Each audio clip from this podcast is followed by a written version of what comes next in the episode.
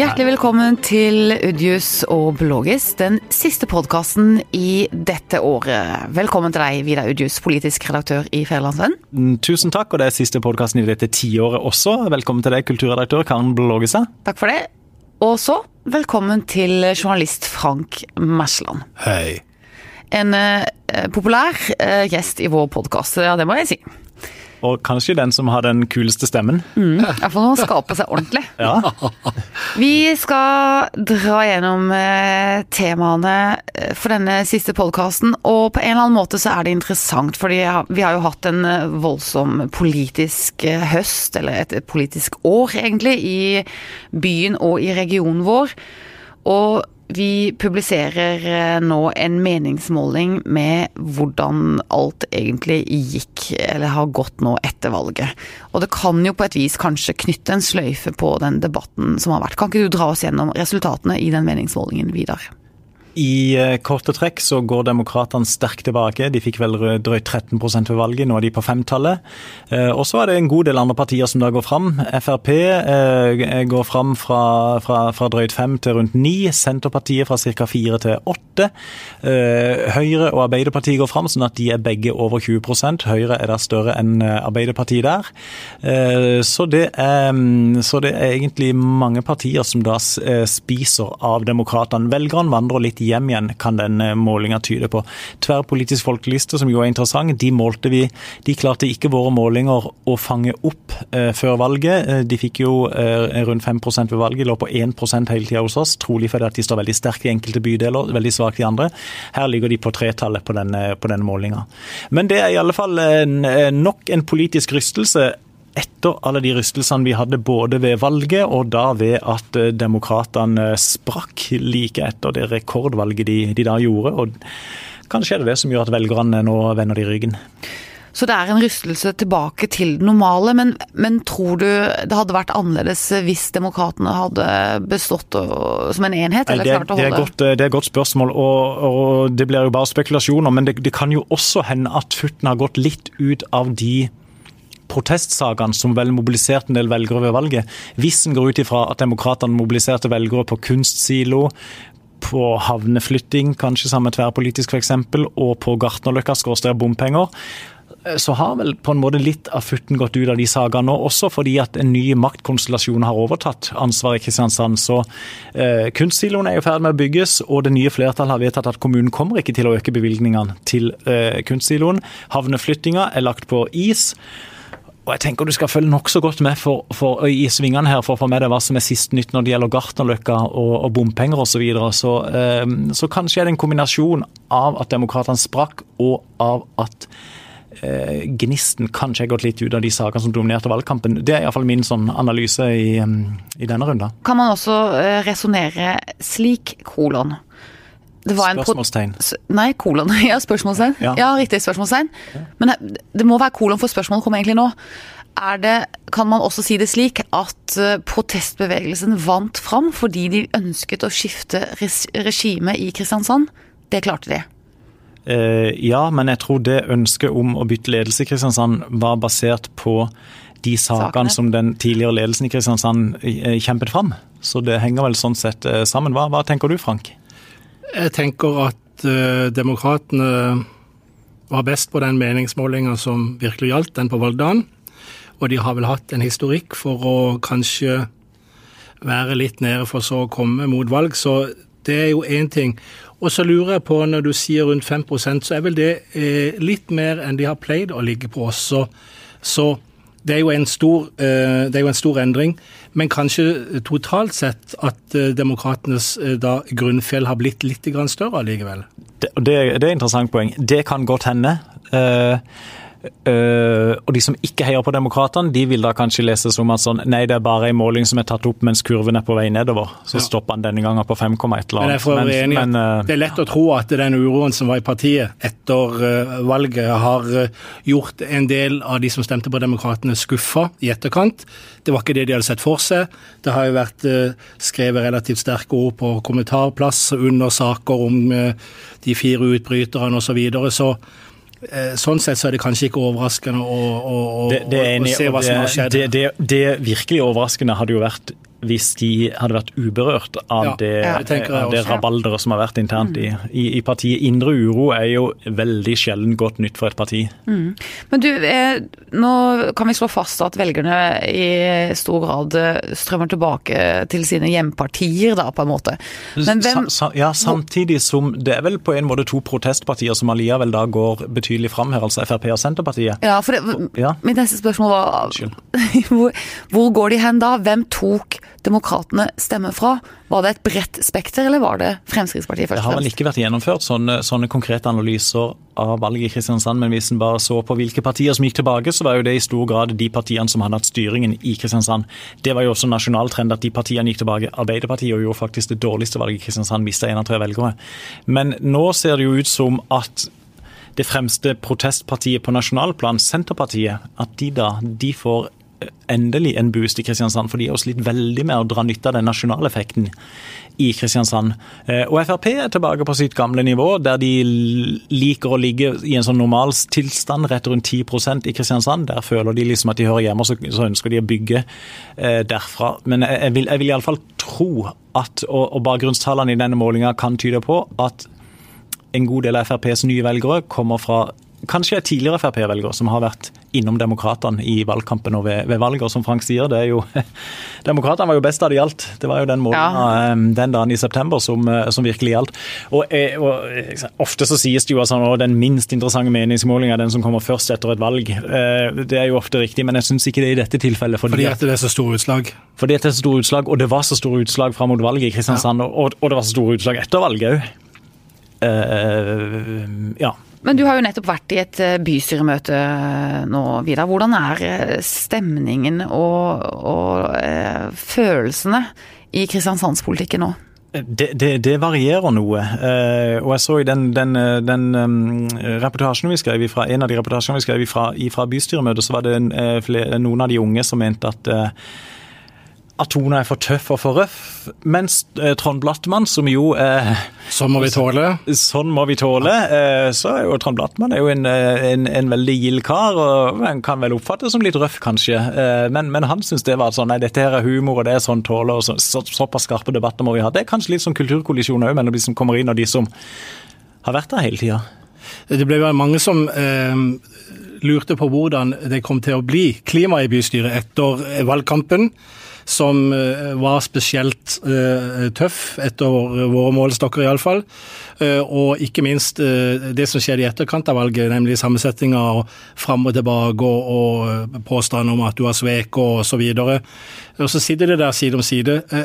Og hvordan ser du for deg at de fire årene her blir? Er dette Ser du for deg klimaet kan på en måte bli litt normalisert når det gjelder den offentlige debatten i Kristiansand, eller tror du vi kommer til å få fire år nå med kaos og sideskiftinger og harde debatter. Og, og harde debatter? Ja. Nei, jeg tror egentlig mer på normaliseringsteorien. At dette vil gå seg til. Kanskje i form av nye allianser. Fire år er jo lang tid.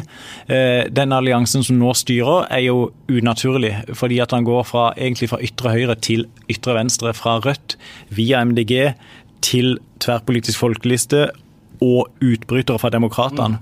Det, det er en spesiell ko... Ja, det, det er det er ikke levedyktig på, på lang sikt, Nei. vil jeg tenke. Men, men at det da i stedet vil oppstå andre flertallskonstellasjoner, vil, vil, jeg, jeg tro kan, kan være naturlig. Interessant nok at Jørgen Kristiansen fra KrF KrF fornøyd med gjennomslaget i budsjettet? sier at de rød-grønne har vært eh, rause, og, at, og at han syns det har blitt en ny dynamikk i bystyret. Mm, Kan det kanskje innebære et eller annet? eh, Men hvilke på saker kan man tenke seg at de ryker på, da? Eller sånn? Nei, og om ikke, type ikke, ja, sfære det? ikke, og jeg tror ikke nødvendigvis ryker på, fordi at Arbeiderpartiet er jo litt i sentrum her til dels eh, politisk. Og jeg synes, kan, tror kanskje den der Gartnerløkka-modellen kanskje kan innebære et eller annet, iallfall når det kommer til eh, litt sånn større saker. Eh, og Da var det jo et relativt knapt flertall som da gikk inn for å videreføre på et vis den Gartnerløkka-løsninga som ligger der, men da var det noen av de hva skal han si, gamle styringspartiene som fant tilbake igjen til hverandre, fordi at liksom nå står det om så store ting at her må vi, her må vi sannelig stå sammen. Belønningsmidler? Ja, sånne ting. Og da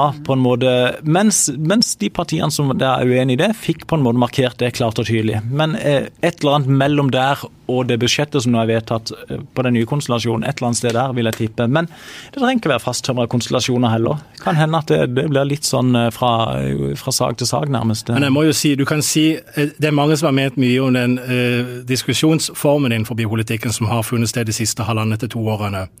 Eh, og det er mange som er berørt av det.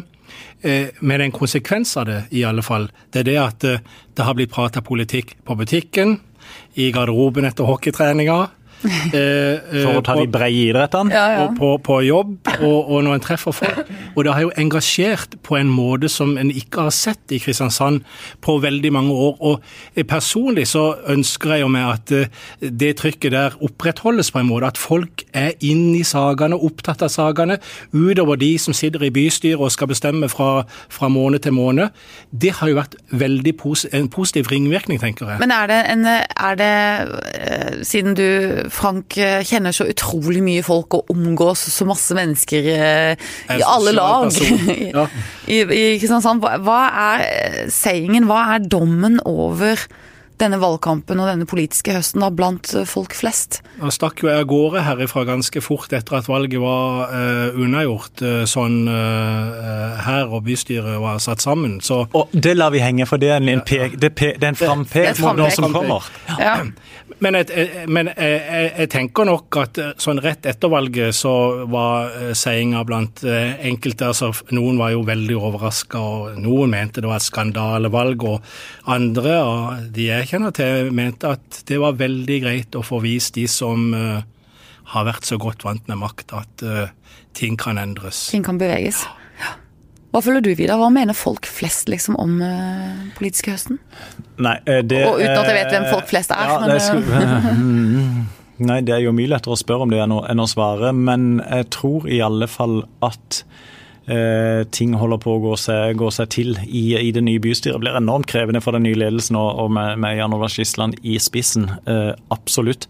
Men samtidig så er jo også eh, naturen er jo så viselig innretta at eh, kommuneloven sier da at du må, når det kommer til budsjett, som jo er den, den viktigste saken i året, så må det så må det bli et flertall ved at du til slutt får to alternativer opp mot hverandre eventuelt. Så du får, du får et flertall, du får et budsjett, eh, så kan en jo ha, ha, mange meninger om det osv. Men, men eh, jeg tror også det sånn eh, fra et demokratisk perspektiv så kan det være nyttig at en god del partier som så å si aldri før har tilhørt en uh, styringsflertallskonstellasjon nå er det, og også da uh, Blir ansvarliggjort? Ja, også på godt og vondt får kjenne på det ansvaret. Mm. De får helt De, de får, de sånn, wow, Det er vi som er med og bestemmer. Hvis en får gjennom det punktet her blant de våre partier, så blir, så blir det rett og slett sånn. Det gir jo en følelse av, en, av innflytelse, av makt, og samtidig ansvar. Og på den andre sida var jeg i fylkestinget på, uh, på onsdag, i det nye Agder fylkesting og snakka med en, eh, en, gammel eh, kjenning fra et parti som nå er i opposisjon, som alltid tidligere har vært i posisjoner. Syns det var dødskjedelig. Ja. ja. Nei, ingen innflytelse. Har ikke noen ting jeg skulle sagt her i går. Liksom, vi kan fremme forslag om det vil, blir ikke ja. vedtatt. Fire år framover. Ja, rett og slett. Men litt sånn OK. Uh, nei, så det, det, er noe med den, den dynamikken. Ja, jeg ser det. Ja. Den energien der. Ja, Hva tenker du, Karen? Jeg tenker at øh, det var et sjokk denne høsten, øh, og kanskje en nyttig vekker. For det er jo Denne høsten hadde elementer øh, i seg, valghøsten hadde elementer i seg som vi må venne oss til å håndtere. Og da tenker jeg jo på demokratiseringen, altså det at vi kan alle si hva vi mener alltid. Uten impulskontroll på sosiale medier og i kommentarfelt osv. osv. Det er et et moment som man må ta høyde for i mye større grad i framtidas politikk enn det man har gjort. Eh, skal vi sette strek for den lokale debatten der, og så løfte blikket litt eh, mot det som har skjedd på den nasjonale scenen, eh, fordi der har det også vært litt endringer denne uka. Det har vært statsrådsskifter, men det var jo ikke snakk om en voldsom fornyelse, Vidar. Nei, det var jo ikke det. Og det, det, når den første meldinga, flash-meldinga kom på NRK om at endringer i Solbergs regjering, så tror jeg mange tenkte sånn oi, oi, oi, nå skal Høyre fornye seg. Og så gi de nye statsrådene eh, halvannet år fram til, til, neste valg og kunne markere seg og freshe opp mannskapet. Og så var det Søviknes inn på banen igjen. Ja og ja, så kommer han inn igjen, og ellers et bytte av departement internt i Frp. Så det var jo eh, sånn For politiske nerder var det jo nesten en liten nedtur i forhold til spenningsnivå og adrenalinkick og sånn, men samtidig så syns jeg jo eh, Jeg må si for egen del syns det var veldig skuffende at eh, av Sylvi Listhaug, som jo er en veldig dyktig politiker på sitt vis, men at hun med sitt syn på uh, klimapolitikken ble, får den viktige statsrådsposten olje og energi, det syns jeg var veldig skuffende. Ja, for Spør meg hva jeg følte når eh, de lanserte nye regjeringsskiftet. Spør, spør, spør, spør. Ja, hva følte jeg da Hva nei, du? Hva følte du da dette ble kjent? Jeg ble helt sjokkert over innsettelsen av Sylvi Listhaug som eh, energi- og oljeminister.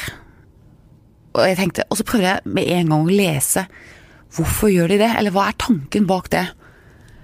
Jeg, jeg, kan ikke se det. Jeg kan rett og slett ikke forstå det. Kan, for, Frank, kan du forklare det? Hva tenkte du? Nei, Hva er analysene for at hun blir satt i den posten? Jeg har, jeg har ikke peiling. Jeg så bare uttalelsene hennes eh, i Etterpå, etterkant. ja. Og det er klart hun ble jo kjørt på dette Eller ikke, hun ble spurt om eh, sitt syn på menneskeskapte klimaendringer eh, i etterkant av innsettelsen. Svarte gang på gang, ble spurt igjen og igjen, og fikk etter hvert dette litt eh, kjedelige eh, kjedelige kjedelig stempel over ansiktet, og det har jeg svar på, og ble pressa litt på hva syns du i dag? Og hun medga da at deler av klimaendringene er menneskeskapt, og det var så langt hun straks Ja, men hun, hele, ved- ved hele henne utgangen- forteller at hun syns ikke det er særlig relevant. Ikke Og ved utgangen av 2019, etter et år hvor ungdom har skolestreiker, og vi har nettopp hatt et klimatoppmøte, og vi har hatt en valgkamp hvor en av de desidert viktigste sakene var dette, og en valgkamp hvor, hvor, hvor fremtredende høyrepolitikere erkjenner at sånn, ja, vi står foran et paradigmeskifte, det er, liksom, det er svære ting på gang her. Så utnevner han søren meg en tidligere klimafornekter til olje- og energiminister i Og- Norge. Det, Ja, også er Erna Solberg, som nettopp har Ja. fått Unge Høyre på nakken og, og Ja, i så ja, kommer til å bli kjempediskutert med iskanten og sånn. Jeg, kan ikke, jeg, kan, jeg skjønner Nei, ikke jeg syns dette her også stiller spørsmål ved Erna Solbergs vektlegging av klima. Hvor viktig er rett og slett klima for Erna Solberg? Eller still det på hodet og spør hvor viktig er oljeutvinning på norsk sokkel i fremtida. For det er vel egentlig der eh, Det er vel der det valget står, og det er vel et valg hvor en sier det at eh, vi må fortsette vår, eh, vår virksomhet på norsk sokkel når det gjelder olje, på den måten vi gjør i dag. Vi må fase For- det mye saktere ut, For, å få ting til å gå rundt. Det, Men jeg det kan du si, ikke- men jeg syns det, jeg synes det For du spør hva og hva er, liksom, hva er beveggrunnen. Jeg tror beveggrunnen er rett og slett Å ja, Frp vil ha sin nestle, Frp vil ha begge sine nestledere i regjering. OK. Og så forsvinner han olje- og energiministeren ut, så kommer han nygamle nestlederen Terje Søviknes inn der, og så OK, da eh, går Sylvi Listhaug ut der til Høyre. Hvis det er så enkelt, så er jeg veldig overraska over at ingen har sett at det, Oi, oi, oi, oi, oi. Ja, Hva, hva, hva, hva gjør vi nå, og hva vil reaksjonene bli? Tror du ikke det er en overlagt tanke bak oss å sette henne i det departementet? Det, er- det er helt sikkert en overlagt tanke bak, men jeg er veldig overraska over at ikke de har sett alle de andre tankene som følger i det. Altså, Én ting er olje, noe annet er energi. Hei, nesten hele klimadebatten handler jo om energi. altså hva, hva, Hvor Ja, skal ja, energi det er en, komme fra i virkelig en fremtiden? Og sentral post. Ja. og vi, vi, ikke sant? Eh, Danmark har nettopp vedtatt en klimalov som sier at innen 2030, det er om ti år, så skal kuttene i Danmark, ikke kvotekjøp, men Danmark skal kutte sine utslipp med 70% Og så innsetter vi en statsråd i en så sentral stilling som har sagt de famøse tingene hun har gjort for relativt få år siden, og som ja. nå sier sånn ja, ja, ja, ja, ja, ja. Ikke sant? Det skulle, skulle vært Høyre som satte inn en finansminister som sa sånn Nei, jeg er ikke mot skattelettelser, jeg er ikke det. Det hadde vært helt uaktuelt. Men jeg leste en teori i går om at eh, noen mener at eh, det er et forsøk på å kapre stemmer tilbake fra Senterpartiet, eller snakke til distriktene der hvor oljearbeidsplassene tross alt er viktige, altså langs hele vestlandskysten og jo også et godt stykke opp på Sørlandet, så er det mange ja. som jobber i olja.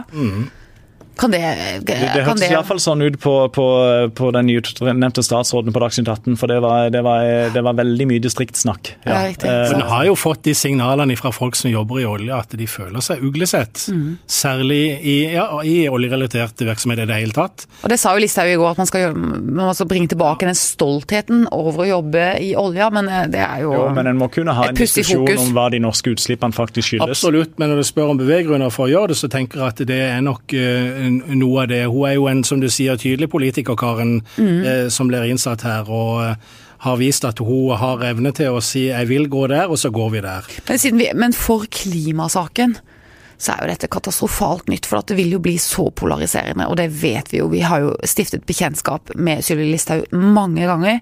Det vil bli harde debatter, og helt vanvittige debatter. Langt på siden-debatter. Det vil være Samtidig som hun må jo, hun må jo følge regjeringas linje. Må, hun må, hun, ut av det så må hun det. Jeg, skulle til å si det, og samtidig, ja det er lett å si det, men hun må jo faktisk få lov til å sitte i den stillinga litt før en kan bedømme akkurat det, tenker jeg. Ja, men Vi kan, kan spekulere i hvordan det går. Vi kan spekulere Stor frimodighet. Ja, og det er jo, jeg ser jo det er et stort engasjement rundt dette, og det er bra, men poenget er det at uh, nå er hun satt inn i den jobben. Og det er klart, uh, når hun har hatt sine første 100 dager i kontoret, og en har sett litt hvor hun vil gå Da vil Frank komme tilbake. Så ja, kommer den vektige analysen her. Men det er altså Norges mest splittende, polariserende politiker som har satt i en utrolig sentral posisjon ja, i forhold til vår tids største sak, klimasaken. That's not men, men, good thinking. Og jeg kunne, jeg, det hadde vært ganske gøy å være til stede på et gruppemøte i Venstre stortingsgruppe, f.eks. Mm. Ja, når den nyheten ble kjent. Mm. Interessant. Ja, rett og slett. Det kommer sikkert noe på Twitter etter hvert. Men jeg må spørre deg, Vidar, du som kan altså, luftes ikke Har ikke Trine Skei Grande vært med på rådføring av du, hva, Jeg, jeg tror det er først, først pri én er hva den enkelte partileder ønsker inn i regjeringa. Eh, og så, så, kan nok statsministeren legge ned veto, eh, men det har jo hun åpenbart ikke gjort her. Eh, og det er klart Sylvi Listhaug har jo vært statsråd nå på flere andre poster, og Erna Solberg syns sikkert at det har gått OK, men, men igjen så, ja. Men dette være slutten på som sådan, så syns jeg dette her ser jeg syns det var veldig skuffende. Hvis ja, altså, fall hvis en skal ta det på alvor, da, med at klima er den største utfordringa vi står overfor. Mm. Hvis det er sant, så syns jeg det er en veldig rar utnevnelse her. Mm. Ja, og det er jeg helt enig med deg, selvfølgelig. Og så klarer jeg ikke helt å Jeg klarer ikke å lese den politiske strategien. Verken med Frp-briller eller med Høyre-briller. Ja, jeg, jeg, tror det kan være så enkelt som Erna Solberg sa i, i, et eller annet, at ja. det er viktig å ha nestlederne med ja. i regjeringen. Nemlig. Eh, for de partiene som vil det. Ja, og da er det Ja, ja, ja, ja, ja. ja. Så, sånn Det eh, skal bli spennende å følge med på, men uh, mm, vi kommer sikkert tilbake til det. Om 90 dager. Ja. Altså tre måneder. da, da, skal vi spørre, da inviterer vi Frank igjen, så får vi en oppsummering av Frank. Evaluering ved Frank Merkel. Life is made up of many gorgeous moments. Cherish them all, big and small, with Blue Nile. Whether it's for yourself or a loved one, Blue Nile's unrivaled selection of expertly crafted fine jewelry and statement pieces help make all your moments sparkle. Blue Nile's experts are on hand to guide you, and their diamond guarantee ensures you get the highest quality at the best price. Celebrate a life well lived in the most radiant way and save up to 30% at BlueNile.com. That's BlueNile.com. Ja. Eh, Frank Mersland, eh, mer om deg. Du vil så gjerne snakke om en eh, spennende tur du har vært på. Ja. Nå er vi tilbake på det frampeket. Har vi litt tid?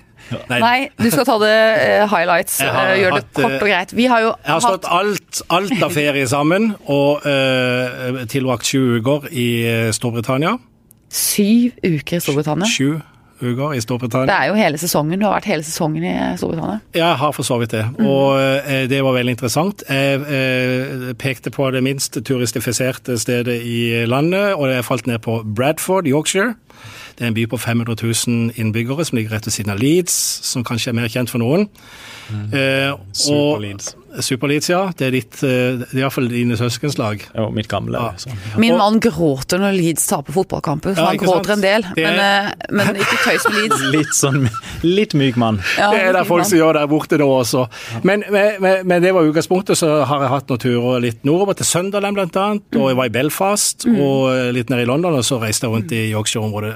Kjempespennende. Og så kommer jo Og spesielt denne høsten, denne tiden. Ja. Utskriving av nye valg og valgkamp og eh, Men, Og det var vel også derfor du reiste over, for på en måte å for, litt. forstå litt? Da. Det var jo egentlig snakk om at brexit skulle gjennomføres uh, ja. i 1.11, mm. uh, så jeg fremskyndte jo litt. Og, og da stolte du på det? da stolte jeg på det. Nei, det, det var jo et lite skudd i, i, i, blinde, da. Men det ble jo utsatt. Uh, men istedenfor så kommer det et, et valg da. og jeg det var sånn da at der, Yorkshire, der har du vennlige mennesker pratesalige mennesker, åpne mennesker, Så det var rett og slett bare å gå og sette seg på enten en pub for å se litt fotball på et bord, og så dumper du ned ved siden av noen, eller på en kafé for å eh, ha litt kaffe, eller du ble sittende ved siden av noen på en togtur, og så gikk praten veldig fort. Og, eh, hva, hva, slo deg mest? på en måte? Det, eh, det som slo meg mest eh, jeg kan, Et eksempel. Eh, jeg var oppe i søndag et par dager for å se på det fallerte store fotballaget der oppe. En stadion til 50 000, hvor det fortsatt er 30 000 på nivå 3. Men det er en viss håpløshet rundt fotballen, og det er en viss håpløshet rundt en del andre ting. Og han som eide det bed and breakfast-stedet hvor jeg overnatta da, vi fikk en god tone og en frokost de to dagene jeg bodde der oppe. En lang frokost. det er mye spising og drikking her. Det er det. Det, er det. det, det, det, det må til for å komme i prat med folk. Ja, men kom til poenget da, Frank. Ja. Han hadde f.eks. da i denne Labour-styrte delen av landet alltid stemt Labour. Han hadde erfaring fra marinen i mange år, jobba der. Og, og, og, nå skulle han stemme de konservative for første gang i sitt liv. Og han hadde stemt uh, Remain i brexit-referendumet for flere ja. år siden, så han ville forbli i EU. Ja. Men, men han, han, sa når det først ble stemt sånn, så får vi høre på folket. Så spør jeg men hvorfor vil du stemme uh, på de konservative nå, da? Han hæla ikke Jeremy Corbyn i det hele tatt. Og han var en, uh, det en kan, kan kalle for nesten sånn blue collar worker, mm. altså den typiske mm. Arbeiderpartimannen i nordøst. Han, eh, Jeremy Corbyn hadde ingenting å tilføre. Han kjente seg ikke igjen i politikken hans. Han kjente seg i det hele tatt ikke igjen. Så kommer det så går den litt videre. Og, og, han innrømmer også det at hvis de forsvinner ut av EU, så er det stor sannsynlighet for at en, en, en, en bilprodusent, Nissan, trekker 7000 arbeidsplasser ut fra området. Mm. Hva skjer da, spør jeg. Det blir en spøkelsesby, sier han. Mm. Men likevel så stemmer han for de konservative. Og så er det en underliggende ting der om at uh, en er ikke helt fornøyd med hvordan uh, nye eller asiater, som det gjaldt spesielt i det området da, har fått lov til å få infiltrere og påvirke politikken. Og de tar for mye ressurser, og de, blir, og de blir tatt på hvis det skjer noe lovbrudd med litt for lett hender. Altså en fremmedfrykt der som helt tydelig lå i bunnen når du begynner å prate med folk. Etter hvert så kommer dette fram. Ikke sånn med en gang, men etter hvert så sniker det seg inn. Så tenker jeg at eh, det var ikke bare der, for å si det sånn, at du fikk de samme underliggende strømningene. Og det overraska meg at det var så sterkt. Det burde kanskje ikke overraske meg, men det gjorde det allikevel. Så jeg tenker at Eh, det eh, er nok grunnen til at ganske mange har gått til et parti som har sagt at de vil være litt hardere i klypa når det gjelder eh, sammensetning av hvem som skal bo i det gamle, store imperiet. Og at, de har, at det har vært en av grunnene til at de har falt ned på, på, på Tory denne gangen. Også i Bradford, bare for å si det ble lang monolog. Hun jeg bodde hos i Airbnb-leiligheten da, jobba for et meningsmålingsinstitutt. Og hun var ute Bradford er også en rød by. Arbeiderpartiet styrt by i mange tiår. Mm. Eh, og der var hun og gjorde en sånn valgdagsmåling. Eh, og spurte folk om de kunne ville si hva de hadde stemt på. Alle som hadde stemt på Arbeiderpartiet der, ja, stoppa og sa og forklarte hvorfor og hvordan. Og så var det mange som snek seg unna, og de hadde da stemt konservativt. Ja. Og det, det, førte altså to av fem eh, valgdistrikter i og rundt Bradford ble faktisk konservative. Og det er et sånt symptom på det de kalte den røde muren som falt, og dette var sånn typisk. Eh, og veldig mye av de samme strømningene der. Bradford har et område kalt Bradistan, hvor det bare bor asiater, og hvor det er et vanvittig mattilbud, ikke sant, og veldig multikulturelt. Men de bor i enklaver for seg sjøl. Altså de, de, selv om de bor i samme by, så er det mye sånn segregering. Men, og Det er jo gyselig interessant på mange områder, men også kulturelt. Tenk hva det koster en sånn tradisjonell arbeiderpartimann som han du beskriver, og da å bytte parti, også, og, og, ikke bare bytte parti, men du bytter over til det konservative partiet, da, som er assosiert med privatskoler, med, ja, ja. med meider hjemme og med revejakt og med Og altså, privatiseringer og NHS, ja, altså det britiske helsetilbudet. Det er et mye større steg enn å gå fra Arbeiderpartiet til Høyre i Norge. Det er eh, absolutt, absolutt. store verdener imellom. Si det at Høyre i Norge er kanskje likt Arbeiderpartiet i England til en viss mm. grad i politikken. Mm. Og nå er jo Jeremy Corbyn og, og tenketanken som har stått bak han Momentum, mm. de er jo ganske eh, Venstre dreide for et britisk arbeiderparti å regne. Mm. Og jeg så, det var interessant, på selve valgkvelden så tok altså en tidligere innenriksminister for Labour et oppgjør med mannen bak Momentum, denne tenketanken, mm. og sa du er det verste som har skjedd for dette partiet. Du er det verste som har skjedd. Du kan bare hutte deg tilbake til studentpolitikken, der disse meningene hører hjemme. Det er du og dine som har sørga for at vi nå sitter her. Så det var den gamle skole som møtte den nye Wien, og det var helt klart hvem han pekte på. Og nå strides de jo i Arbeiderpartiet i England om retninga videre. Som de har gjort i mange andre sosialdemokratiske partier rundt om i Europa. Og, men veldig sterkt og tydelig, ikke sant? Altså, for de har hatt et, eh, et, et venstredreid alternativ denne gangen i Storbritannia, men det har ikke ført fram. Og kom ikke særlig langt med det. Nei. Og så er vel en, en stor del av diskusjonen internt i Arbeiderpartiet, for Jeremy Corbyn og hans kompani de ønsker vel å fremstille det som at ja, men det var brexit som gjorde at vi tapte. Vi hadde ikke, vi hadde ikke og sjans. pressen. Og, og pressen. pressen, Som, som er høyredominerende. Mens Tony Blair var ute nå, som jo tilhører den moderate fløyen i Arbeiderpartiet, var ute og sa at ja, Det ba, ja da, bare skyld på brexit, Ja. men det gjør dere selv en bjørnetjeneste, for det var noe helt annet som lå bak i tillegg. Du, Er det et eh, desillusjonert og litt sånn ødelagt folkeferd i Storbritannia nå, Frank? Jeg sa utrolig vennlig og imøtekommende Ja. jeg var. Absolutt. Eh, Men sånn politiske illusjoner har vel falt litt, eller? eh, Ikke bare politisk, men jeg, jeg, jeg, jeg tenkte Altså, det var eh, nå, har nå har jeg vært i England noen ganger tidligere, særlig i England. Eh, og jeg tenkte Altså, det, det som slo meg, det var eh, hjemløshet. I stor grad. Og det er et stort voksende problem, særlig rundt de større byene. Det er mange som sover på gata. Jeg satt sjøl og så, så ut av vinduet på en kafé over på en suppekø som var hver torsdag i Bradford, og den var ganske lang, hvor de fikk mat og hvor de fikk utlevert en sovepose. Dette problemet har de eh, i stadig større grad mange steder. Så eh, det er et av de problemene som de har skreket etter å fatt i. Og jeg syns, eh, jeg syns altså Totalinntrykket mitt er at eh, britene er jo kjent for det der keep calm, ikke sant. Altså selv om de står midt i stormen, så vi skal komme oss gjennom dette, bite tennene sammen. og men, men, men det var, det, eh, eh, når du kom ut av London, som er en helt annen boble, så var det en følelse av eh, at eh, mange var desillusjonerte, ja. I, i, ikke bare på den rent politiske eh, posisjonen som har oppstått, men i, det store og det hele. Arbeidsledige og ikke deltakelse i arbeidslivet. Altså, Men kort, Frank. Og sikkert mange jobber som tross alt finnes, som er enormt dårlig betalt. ja. Ja, veldig. Det er jo et kjempeproblem. Litt kort, Frank, til slutt nå. Brexit, Brexit, ja. utmeldingen. Kommer det til å gå bra? Eh, For hvem? For folk i England? Vel lurt motspørsmål. For Ja.